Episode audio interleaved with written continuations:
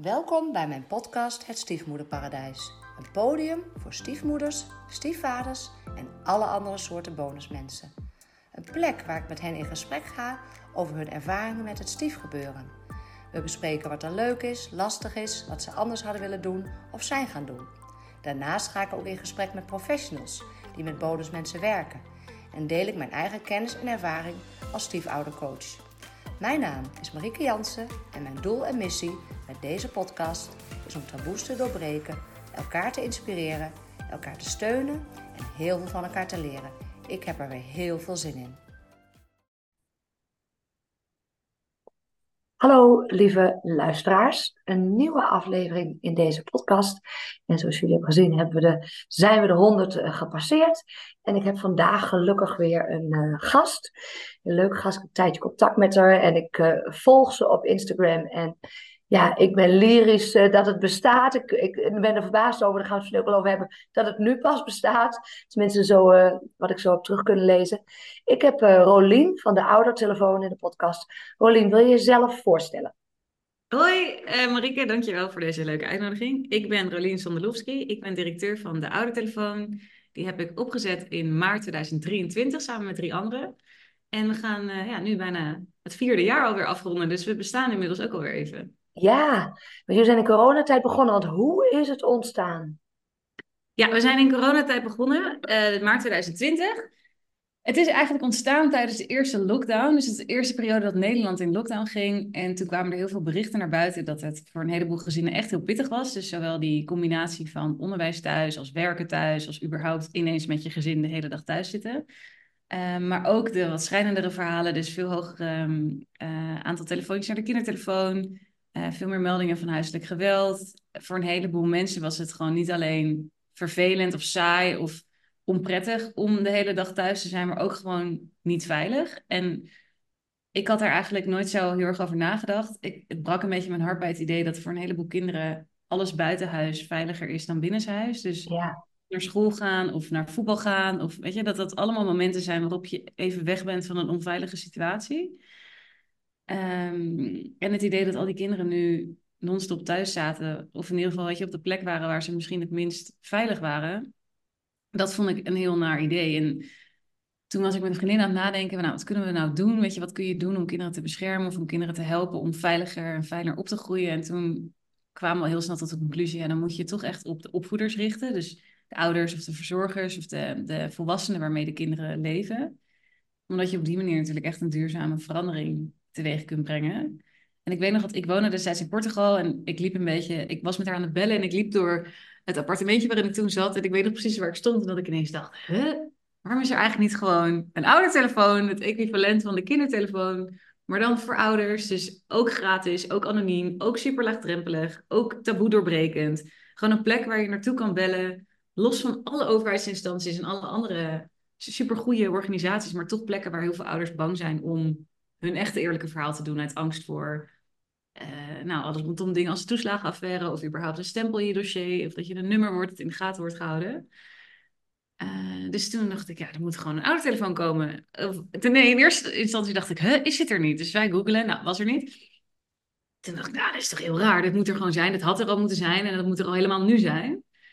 En toen had ik toevallig de dag erna een uh, soort online brainstorm sessie met allemaal mensen die, net zoals ik, ooit de Nationale Denktank hebben gedaan. En dat is een programma dat zich echt richt op uh, maatschappelijke problemen omzetten naar oplossingen of oplossingen bedenken voor maatschappelijke problemen. Dus ik zat in een soort Zoom-call met volgens mij iets van 40 of 60 uh, jonge mensen die allemaal heel erg eager waren om iets goeds te doen tijdens deze gekke coronatijd. En toen zei ik, nou jongens, ik heb eigenlijk al een idee. Maar ik zoek gewoon mensen die dit met me willen opzetten. En toen zeiden drie mensen die ik kende, die zeiden, nou, dat wil ik wel. En toen zijn we de volgende dag begonnen met z'n vieren. En zes weken later was de dienst live. Dus zes weken later was de telefoonlijn open en uh, kon je chatten. Uh, en het was echt, het was zo'n coole tijd, want iedereen wilde goede dingen doen. Dus we hebben uh, de dienst helemaal gratis van de grond gekregen. Dus van de techniek tot verzekeringen, tot campagnes, tot vrijwilligerstrainings uh, opbouw. En we kregen dus vet veel aanmeldingen van vrijwilligers. Veel meer dan ouders in het begin. Ja. Dus het was echt een, uh, ja, een soort trein waarop we toen zijn gestapt. Best wel spontaan. En die ging gewoon echt keihard rijden. Ja. Daar zitten we dus nu. nou, drieënhalf, bijna vier later, uh, nog steeds lekker in door te boemelen. Ja, bizar hè? Ja, dan zie je, dit is inderdaad een van die dingen van, uh, dat je ziet in een crisis dat mooie dingen kunnen ontstaan en deze blijft ook bestaan. Dus dat is ook dan in ieder geval iets. Maar bijzonder, dat, dat, dat zat dus ook wel mee in die zin of zo. Het zat heel erg mee, want kijk, sowieso was het natuurlijk een hele gekke tijd waarin een heleboel mensen ineens meer tijd hadden. Ja. Omdat ze vanuit huis werkten, uh, omdat er meer ruimte was. Kijk, ik uh, werkte hiervoor als freelancer. Ik kreeg destijds een uitkering van de gemeente Amsterdam. Dus ik had ook financieel ruimte om gratis iets goeds te kunnen doen. Omdat ik een soort klein basisinkomen had die maanden. Uh, en er heerste, ik, eh, dat kan je denk ik ook nog wel herinneren, er heerste gewoon heel erg zo'n gevoel van alsof we met de schone lei opnieuw begonnen en de, ja. de samenleving opnieuw konden vormgeven. Ja, als je nu terugkijkt, denk je, jeetje, wat was dat nou? Buiten gebleven? Wat is er van overgebleven? Nou ja, beide wel, maar het, is wel, het was echt een tijd waarin het een beetje het gevoel was van armen, weet je, schouder aan schouder, armen in elkaar en met elkaar gaan we het beter maken. Uh, toch een soort saamhorigheidsgevoel, wat ja. niet heel... We maakten ook bijna allemaal eh, in grote lijnen hetzelfde mee of zo. Je kon het ja. met elkaar begrijpen. Ik denk dat het een van de weinige periodes is geweest voor mijn generatie, ik ben net 34, uh, waarin je met z'n allen door hetzelfde heen gaat. Ik denk dat we toch ja. ook in Nederland best wel een segregeerde samenleving hebben, waarin je heel erg in bubbels leeft, al helemaal sinds de opkomst van social media. En het is ook best wel makkelijk om binnen je bubbel te blijven. Ja. Ik denk dat, dat we landelijk of mondiaal gezien ineens met z'n allen één groep waren, waarin geen verschil was tussen rijk en arm, opleidingsniveau of allerlei andere factoren die normaal die groeperingen bepalen. En ik denk dat dat eigenlijk een heel natuurlijk gevoel is geweest. Dus dat, dat een heleboel mensen zich misschien wel veel. Kijk, ondanks alle ongemakken, hè, het was natuurlijk ook een hele en vreselijke tijd en medisch gezien hartstikke spannend en uh, ook heel vervelend voor een heleboel mensen.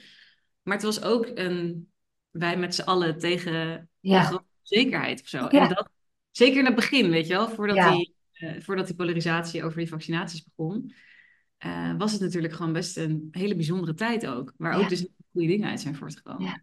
Nou, ik kan me wel ook uh, voorstellen, je zei dat net ook inderdaad, dat je wel drie keer opnieuw bent gaan zoeken van dit bestaat toch al lang.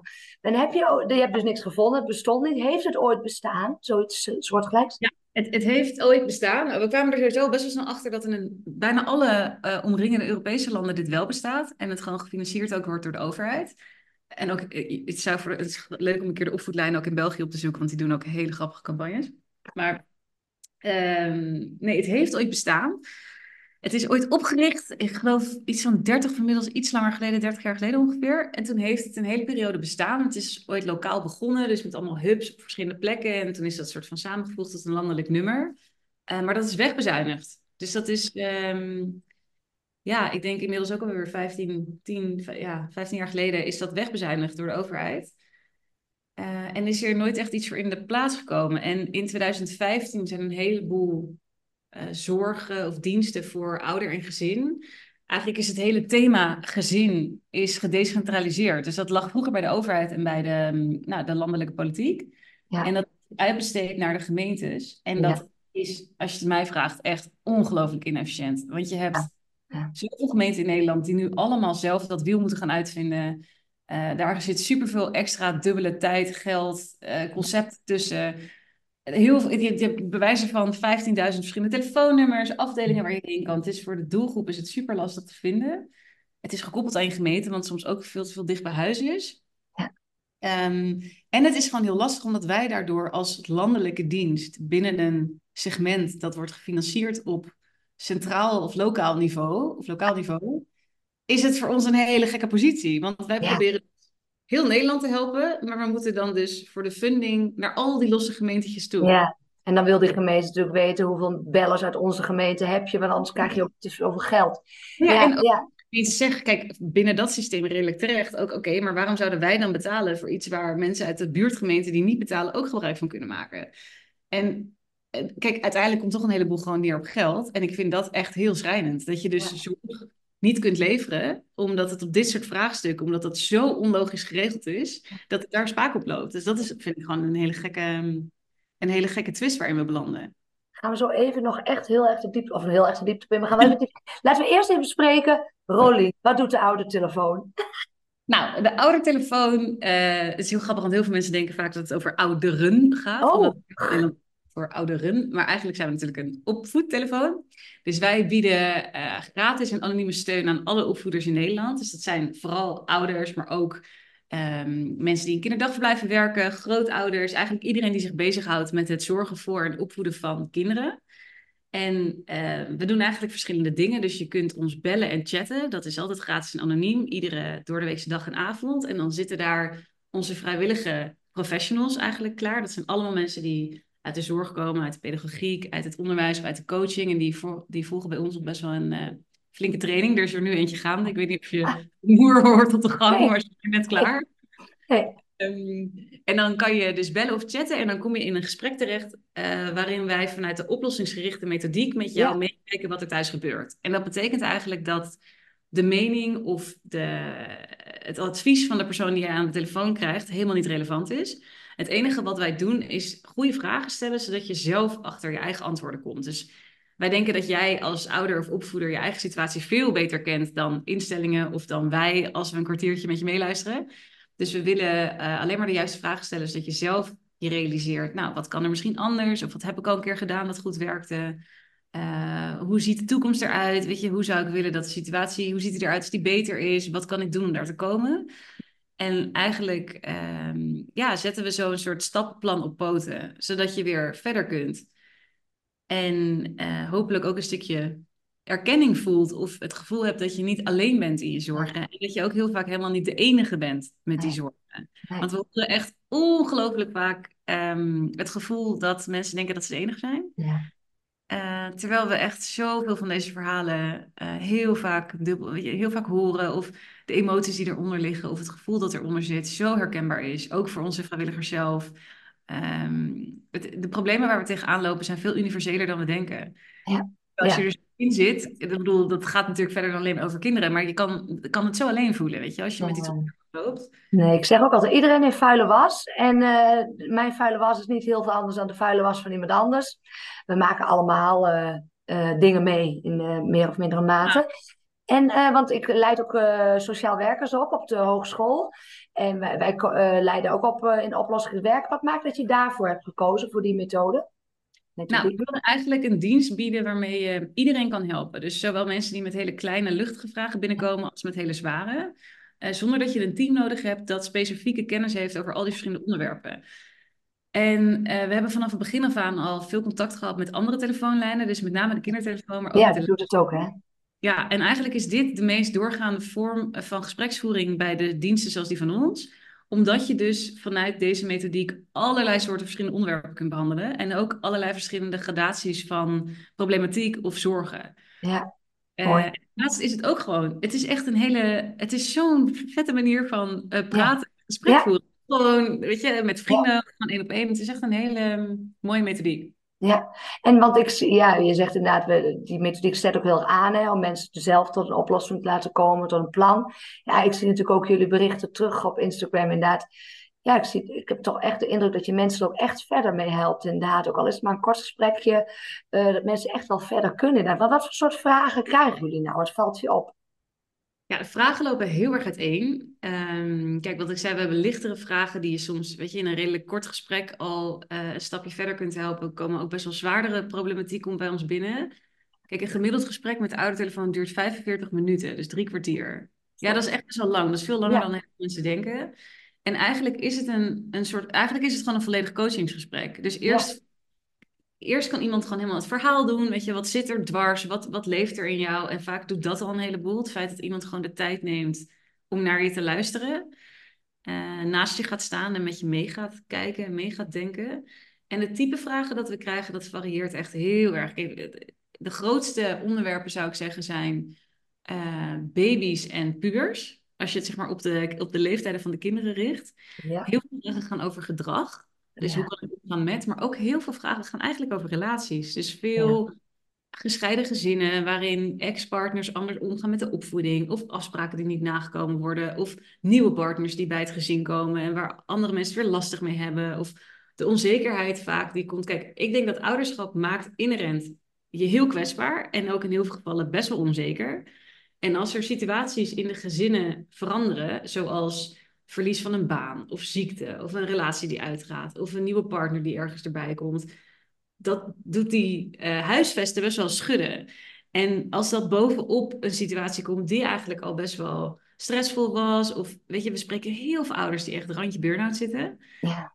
En daar word je al een beetje angstig van, weet je wel. En dan het idee dat er nog iets gebeurt, of dat er nog iets overheen komt, dat is gewoon heel vaak te veel. En wat wij proberen te doen, is dat we ons echt heel erg richten op de ouder zelf, of op de opvoeder. Dus niet zozeer op het kind, dus niet zozeer wat heeft het kind nodig, of wat kun je voor het kind doen, maar heel erg op wat doet het met jou. Ja. Weet je, deze situatie met jou? En hè, weet je, wat, wat vervelend. En hoe zou je willen dat het is? Of hoe zou je willen reageren? Of uh, hoe denk je dat je er iets aan kan veranderen om dichter bij een setting te komen die wel fijn voor je is? Ja. Dus, ja, we proberen echt de ouder als individu ook echt een hart onder de riem te steken. En niet alleen maar mee te denken over wat je voor een kind kunt doen. Ja, ja mooi hoor. Ja, ja, bijzonder. Ja, dat zal vast heel divers zijn. Heb jij, hebben jullie ook wel eens, want ik, onze studenten lopen ook uh, stage veel bij de kindertelefoon. Dus misschien uh, komen ze wel een keer bij jullie stage lopen. En ik zag dat jullie ook wel stagiaires hebben, geloof ik. Ja, we hebben eigenlijk ieder jaar wel meestal twee stagiaires gehad. Ja.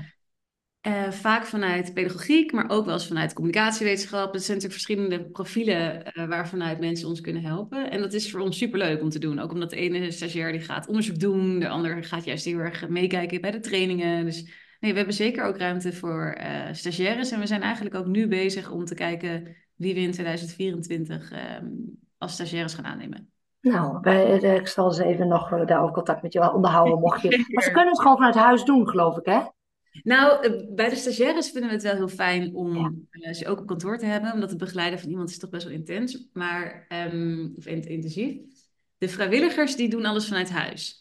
En dat is ook heel leuk, omdat we daarmee ook mensen met een afstand, bijvoorbeeld ja. een fysieke afstand tot de arbeidsmarkt, ook de mogelijkheid geven om zich in te zetten voor anderen. Wat heel vaak, ja, dat, dat kregen we terug ook van een van onze vrijwilligers. Die zei, ja, ik wil al zo lang iets doen, maar overal um, moet ik fysiek aanwezig zijn en ik zit in een rolstoel, dat is heel erg lastig. En ze, ze, zij is zo blij dat ze dus vanuit huis uh, alsnog iets kan bijdragen. Dus dat is echt super warm, warm om te horen. Dus al onze vrijwilligers die uh, beantwoorden de dienst vanuit huis. En we zitten hier op kantoor in Amsterdam met het vaste team, dus het organisatorische team. En als je stage komt lopen bij de oudertelefoon, dan zit je ook bij ons op kantoor. En meestal doen we dan Kijk, vaak zijn het stages van drie dagen. En dan kan je zeggen, nou, iemand komt twee dagen op kantoor en werkt één dag vanuit huis. Ja. Nou, dan doe maar gewoon van de Hogeschool van Amsterdam of zo hoor. Want inderdaad, eh, we zitten in Enschede, dus ja, dat, uh, ja. willen ze, ja. zitten er vast wel wat tussen die willen. Maar er is dan iets minder. Uh, wat je, ja, waar, ik, waar ik niet benieuwd naar was, bij de kindertelefoon hebben ze nog, daar kunnen ze, bellen ze ook anoniem. En horen onze studenten en de vrijwilligers ook best wel hele heftige verhalen voor de kinderen. Dat ze mishandeld worden, misbruikt worden, et cetera. Hebben jullie vrijwilligers ook wel eens dat ze denken: oh, hoe laat ik dit los? Uh, uh, hoe ga ik hiermee om? Uh, hoe, hoe, ja, hoe betrekt dit niet veel op mezelf? Gaat dit wel goed? Loopt dit wel goed af? Jazeker. Kijk, onze vrijwilligers zijn natuurlijk ook gewoon mensen. En als jij een verhaal hoort dat je heel erg raakt, ja, dat, dat, dat is ook moeilijk. Weet je wel? Het, gaat, het gaat over echte mensen. Het gaat over kinderen. Het gaat over volwassenen. Zoals jij en ik. Weet je, dat, dat, dat raakt je gewoon. Dat ben je ook niet meteen kwijt. Um, we hebben daar wel een soort systeem voor, dus dat ze dan binnen ons team weer contact kunnen opnemen met iemand om dat uh, met elkaar te bespreken. We hebben twee keer per maand intervisie, ja. waarin we um, geheel geanonimiseerd de, nou, met elkaar praten over, zijn er dingen langsgekomen die lastig waren? Zijn er dingen langsgekomen die opvallen? Zijn er dingen langsgekomen waarvan je ontdekte dat je het moeilijk vond om te bespreken? Um, we hebben ook we hebben allerlei soorten verschillende vrijwilligers, weet je. Dus de een vindt het misschien lastig om uh, seksualiteitsvragen te beantwoorden. De ander heeft zelf dingen meegemaakt en vindt daardoor misschien weer dingen lastig die over gedragsproblematiek gaat. Of dus ja, wij zijn allemaal mensen, weet je wel? Ja. Dus, uh... ja, nee, weet je, hoort heftige dingen, denk ik. Zeker als het anoniem is, inderdaad. Uh, ja, en, en, en inderdaad, omdat, jullie, omdat het anoniem is, um, ja, je verwij jullie verwijzen volgens mij ook wel actief waar nodig. Maar ja, als iemand er niet wat mee doet, dan, ja, dan is dat zo. Ja, kijk, wij noemen dat doorwijzen, want verwijzen klinkt altijd alsof je, weet je, als arts een briefje uitschrijft. Dus wij wijzen door naar andere instellingen. Dat gebeurt eigenlijk best wel weinig, minder dan 5% van de gesprekken. En de voornaamste partij waar we naar doorwijzen is de huisarts, omdat je daar vaak terecht kan voor structurelere psychologische ondersteuning, Um, nou, een, heleboel mensen weten helemaal niet dat ze met dat soort vragen ook naar de huisarts kunnen. En dus dat zijn eigenlijk de partijen waar we nog het vaakst naar doorwijzen. Maar ja, soms kom je ook inderdaad echt heel schijnende gevallen tegen. En kijk, ik ben dan nog steeds blij dat iemand erkent dat er wat aan de hand is. En toch de telefoon of de, het toetsenbord heeft gepakt en contact heeft durven op te nemen. Omdat dat natuurlijk toch blijk geeft van een wil tot verbetering of tot verandering. Ja. En ik, ja, ik hoop gewoon, ik weet niet, ik vind het gewoon nog steeds zo'n dankbaar idee dat, dat dat bij ons kan. Ja. En dat misschien die persoon anders misschien wel helemaal niks had gedaan. Ja, ja zeker. Het is gek en soms frustrerend dat je niet weet wat iemand doet met het gesprek of wat er gaat veranderen in de toekomst. Maar ik geloof toch wel heel erg in het feit dat je iets openbreekt wat misschien heel lang dicht heeft gezeten, dat dat al een effect op zich heeft. Zeker. En kijk, in Nederland ben je bij wet verplicht, dat is iedereen, uh, jij en ik als individu ook.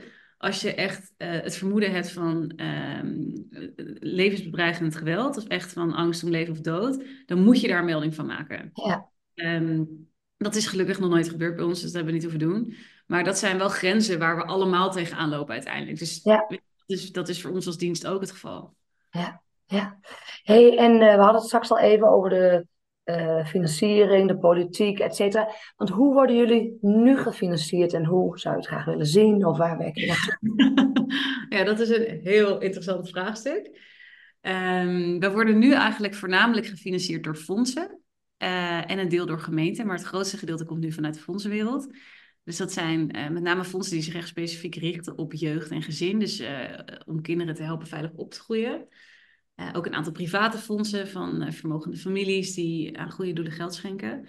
En dat is ontzettend dankbaar dat we daar geld van krijgen. En dat is inmiddels ook al best wel lang. Um, we hadden eigenlijk toen we startten de hoop dat VWS ons zou overnemen. Of in ieder geval zou gaan financieren.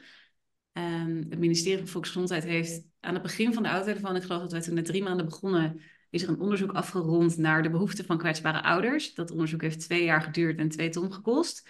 En uh, daaruit kwam een oudertelefoon, met als voorbeeld de oudertelefoon. Dus wij dachten, nou, uh, ja, die conclusie hadden wij ook al vrij snel getrokken.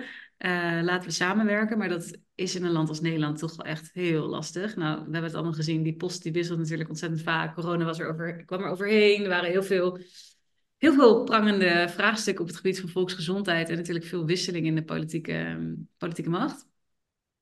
Dus we zijn nu nog steeds, worden we in de lucht gehouden door fondsen. En vanaf volgend jaar willen we dat meer gaan verdelen. Dus dat we echt gelijke delen fondsen en gemeenten hebben. En ook een deel uit het publiek halen. Want we zien dat we zeker sinds dit jaar steeds vaker uh, donaties krijgen van opvoeders die contact met de oudertelefoon hebben gehad. Of uit het niks.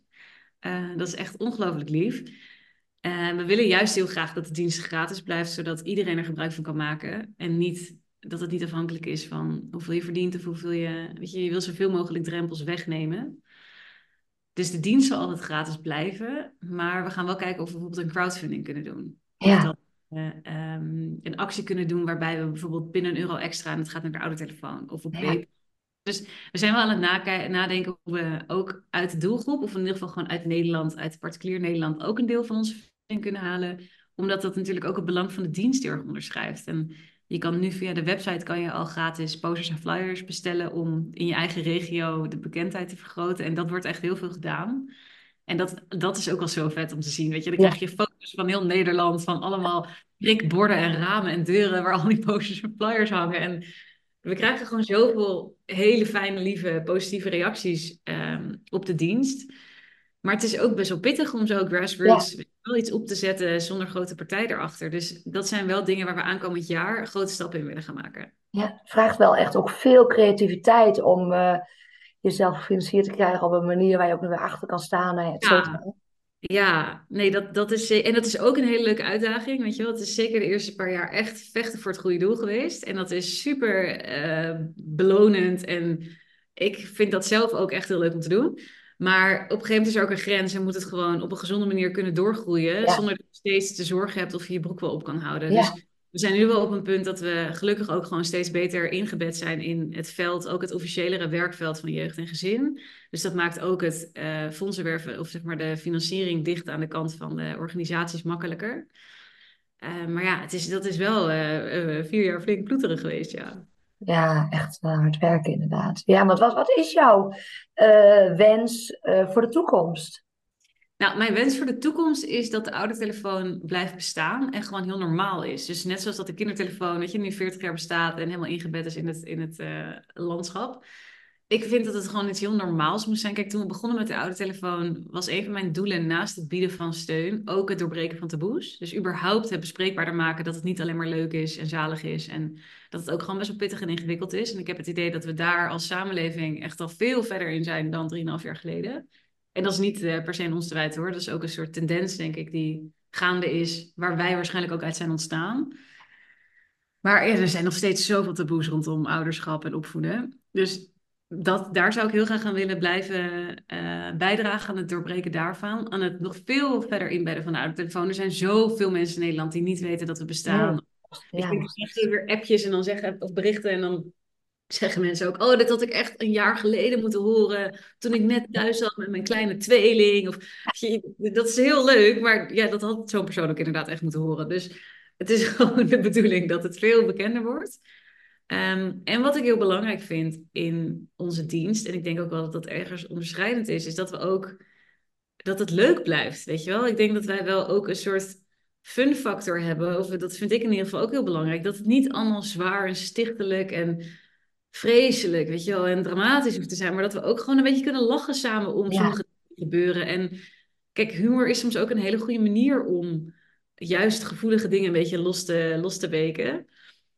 Uh, en ik denk, dat hoop ik en dat gun ik de dienst heel erg. Dat we in die zin zelfstandig genoeg blijven om die vrijheid ook uh, van creativiteit te bewaken. Heb je ook nog het, eh, de ambitie of het idee over aanvullende producten en dergelijke, of niet? Diensten nou, Ja, we zijn nu aan het nadenken over of we ook via WhatsApp onze dienst gaan oh aanbieden. Want we hebben helemaal aan het begin ooit een keer een, een publieksonderzoek laten uitvoeren. En we waren zelf dus in de veronderstelling dat anonimiteit heel belangrijk was. Maar dat kwam uit het onderzoek dat heel veel mensen dat eigenlijk helemaal niet een grote prioriteit vonden. Dus we willen kijken of we ook via WhatsApp onze dienst kunnen doen. Je kunt nu bellen en chatten. Uh, en stap... Er zijn toch ook wel inmiddels tools dat je anoniem kan WhatsAppen? Of niet? Weet ik niet. Nou, om heel eerlijk te zijn, dat weet ik niet helemaal. En ik weet ook niet, kijk, je wil ook bijvoorbeeld de, de tools die wij nu hebben gevonden, het is best wel duur om WhatsApp voor business te hebben. Uh, en ik wil ook niet, we willen niet dat vrijwilligers bijvoorbeeld telefoonnummers. Er zit gewoon heel. Daar ja. Alles is bij ons echt best wel waterdicht op privacy. En om zoiets daar toe te voegen, ben je gewoon weer maanden verder om te zorgen dat het helemaal um, confirm die privacy is. Maar dat is dus waar we mee bezig zijn. Kijken of we het kunnen uitbreiden naar WhatsApp. We zijn aan het nadenken over of we de openingstijden kunnen uitbreiden. Dat we bijvoorbeeld ook een dag in het weekend open gaan. We gaan kijken of we toch ook gesprekken op um, afspraak kunnen doen. Dus dat je bijvoorbeeld kan intekenen wanneer je een gesprek wil. Of dat we mensen gaan terugbellen. Als de lijn... Wat nu heel vaak gebeurt is dat de lijnen in gesprek zijn. Het is nog steeds zo moeilijk in te schatten hoeveel vrijwilligers op welk moment van de dag. Weet je, soms is een dienst heel rustig, soms wordt er ineens vijf keer tegelijk gebeld. Dus kijken of we toch een soort vorm kunnen vinden waarin als je belt en we zijn in gesprek, dat je teruggebeld kan worden. Ja. Of in ieder geval die optie kunnen aanbieden. Uh, we gaan ook weer verder met de meertaligheid. We zijn nu in Nederlands en um, Engels beschikbaar. We waren ook een tijdje in uh, Berbers en in het Turks bereikbaar. En dat is best wel een, dat is een hele operatie om te zorgen dat dat op dezelfde dag ja. genoeg vrijwilligers Nederlands en een tweede taal. Dus voor nu zijn we weer terug naar uh, Nederlands en Engels. Maar we willen wel kijken of we dat in de toekomst weer opnieuw kunnen uitbreiden. Ja. Ja, dus het zijn, zijn een heleboel dingen hangen er in de lucht. Ja, ja, zo. Ja, en focus is natuurlijk ook belangrijk, maar uh, ik kan natuurlijk alle kanten op inderdaad. hey, en bij de kindertelefoon hebben ze heel veel prank calls. Dat hebben jullie niet, neem ik aan. Nou, dat zal je verbazen. Oh. Heeft dat wel een stuk meer dan wij. Ik geloof dat een aantal jaar geleden bijna 90% van die belletjes prank calls waren. Uh, maar wat ook wel weer mooi is, wat ze zelf ook zeggen, en dat snap ik ook wel, is dat in een heleboel van die prank calls vaak toch ook wel een echt ja. vraag zit. Ja. Uh, maar wij hebben ook een aantal, nou dat zijn niet per se prank calls. Kijk, heel soms worden we inderdaad gebeld door gillende of giechelende kinderen. Kinderen, ja. Niet pranker, maar we hebben ook wel, uh, wel eens terugbellende, terugkerende bellers die um, steeds met hetzelfde verhaal aankomen, wat heel chockerend is en heel heftig is. En ja, die heb je ook gewoon. En die spreken we met de andere telefoonlijnen ook over. Dat zijn vaak personen die bij alle lijnen bekend zijn, die al die lijnen afbellen.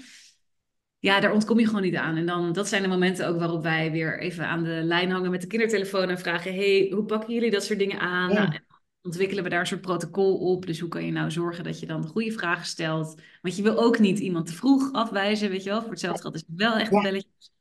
Daar gaan we dan met de vrijwilligers over in gesprek, met onze trainers in gesprek en ook met eh, andere lijnen die hier heel veel ervaring in hebben. Ja, ja, leuk. Ja. Ehm, nou ja, we moeten, ik zal, we moeten in ieder geval even een oproepje doen dat eigenlijk iedereen dus gratis posters bij jullie moet eh, downloaden Ja. of bestellen. En, En die, en- vooral ook bellen. Weet je Ja. wel? Bellen. Want een heleboel mensen, Ah. ook die ik ken, die zeggen: Nou, wat een goed initiatief. En dan zeg ik: Ja, zou je ook bellen? Nee, dat is niet voor mij. oh, Dus ergens zit er nog steeds zo'n drempel op hulpvragen. Terwijl als ik diezelfde mensen dan vervolgens gewoon een keer een week observeer, dan denk ik: Nou, ik heb nou toch al wel heel, heel wat momentjes gezien waarop ik denk dat je best wel even baat had kunnen hebben bij een fijn gesprek met iemand die met je meedenkt. Dus ik zou ook iedereen oproepen om het gewoon een keer te proberen. En ook voor ons, weet je wel. We vragen ook vaak na afloop van een gesprek of iemand een review wil achterlaten. Bel ons een keer, chat ons een keer, laat ons weten wat je ervan vond.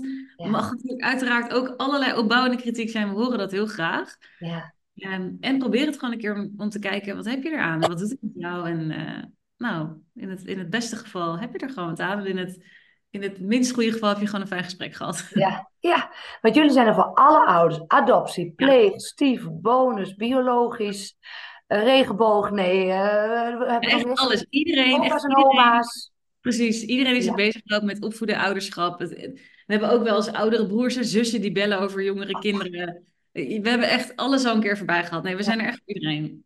Eigenlijk voeden we met elkaar. Hè? Dat zegt ze altijd, raise a community. Nee, it takes a community to raise a child. child, Ja. ja. Ja, dus in die dat zin... is eh, ook echt zo. En ik denk wel dat ehm it takes a village to raise a child. Nu leven we natuurlijk in een best wel individuele samenleving. Dus die, nou ja, die village vind je misschien hooguit nog eh, in je Instagram-volgers of zo. ja, En ik denk ook wel dat wij ook een beetje bestaan bij de gratie van... It still takes a village, but we don't have the village. ja, Weet want als jij je tantes en je ooms en je opa's en oma's en iedereen gewoon twee deuren verder had zitten en elk weekend met ze eten, dan gaat automatisch die zorg meer verdeeld raken. En dan verdeelt ook die spanning zich weer over verschillende mensen. En dan kun je misschien ook advies vragen aan verschillende mensen, maar dat, zo leven we gewoon niet meer. En daar kunnen we heel naïef over doen. Maar dat betekent wel dat we die hulp en dat advies en die steun op andere manieren moeten faciliteren. ja. Want is er nog iets, Rolien, waarvan je zegt, oh, dat hebben we nog niet besproken. Dat wil ik graag nog delen over de oude telefoon. Vier jaar oude telefoon is er een heleboel niet besproken. Nee.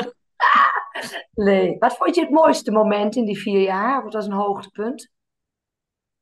Nou, het hoogtepunt is, ja, het hoogtepunt. Kijk, iedere keer dat er een review binnenkomt van iemand die beschrijft wat die persoon eraan gehad heeft, dat is elke keer weer een soort, ja, dat klinkt zo cliché, maar dan maakt je hart toch weer een beetje een soort sprongetje. Gewoon het besef dat je met iets wat ooit gewoon als een soort idee is ontstaan, ergens in een gek klein huisje in Portugal, dat we daar nu op deze schaal gezinnen in Nederland mee helpen. Ja.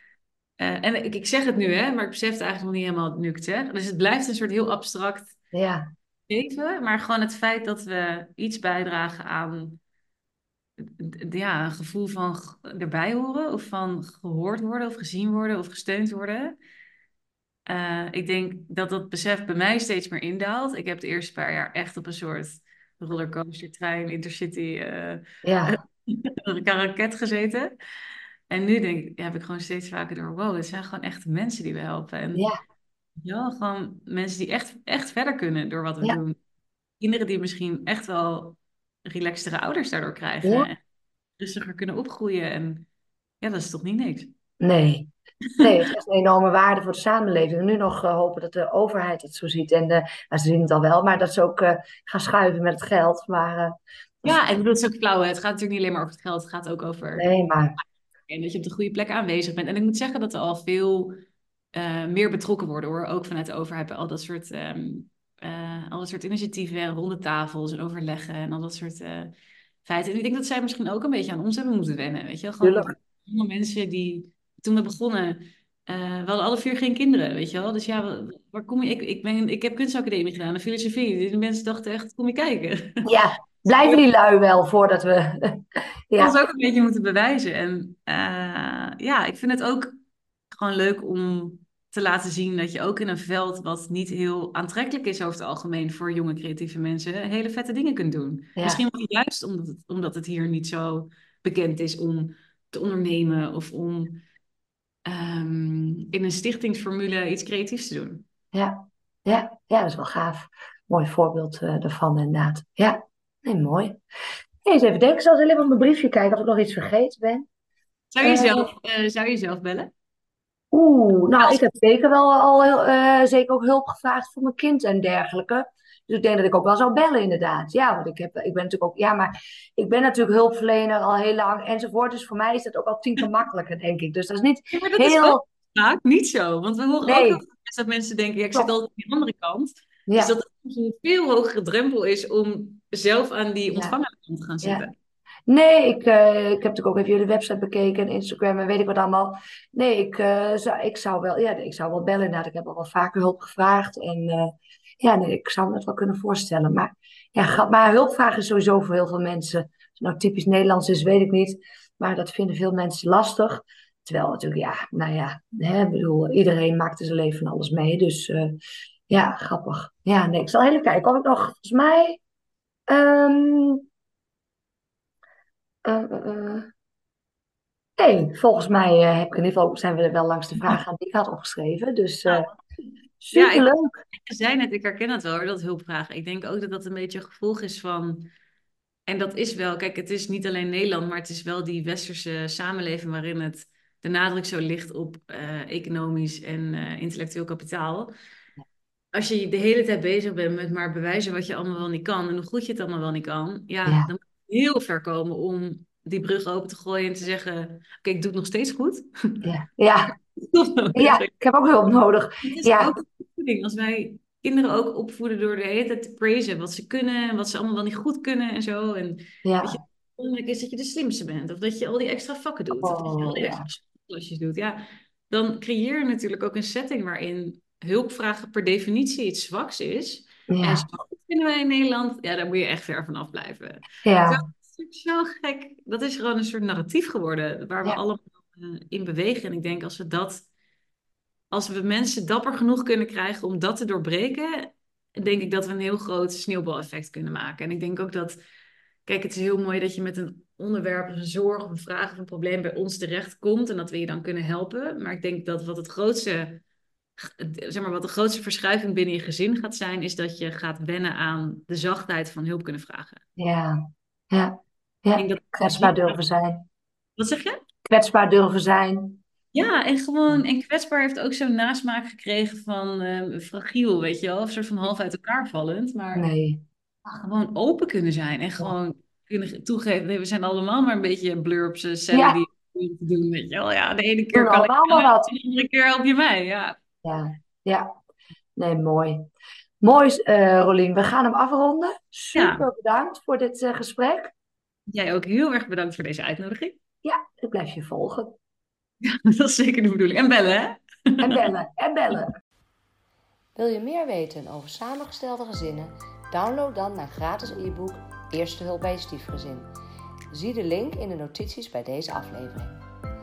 En wil je één ding voor mij doen? Een review achterlaten om te laten weten wat je vindt van deze podcast. Dit is namelijk super simpel. Op Spotify kan dit bij de drie horizontale puntjes bij de podcast. En op iTunes kan dit bij de button beoordelingen en recensies. Heel erg bedankt. Ken jij mensen die ook profijt kunnen hebben van deze podcast? Deel hem dan gerust. Ook dit kan heel simpel via Spotify en iTunes. Ken je mensen die de gast willen zijn of wil je zelf de gast zijn? Stuur me dan een bericht.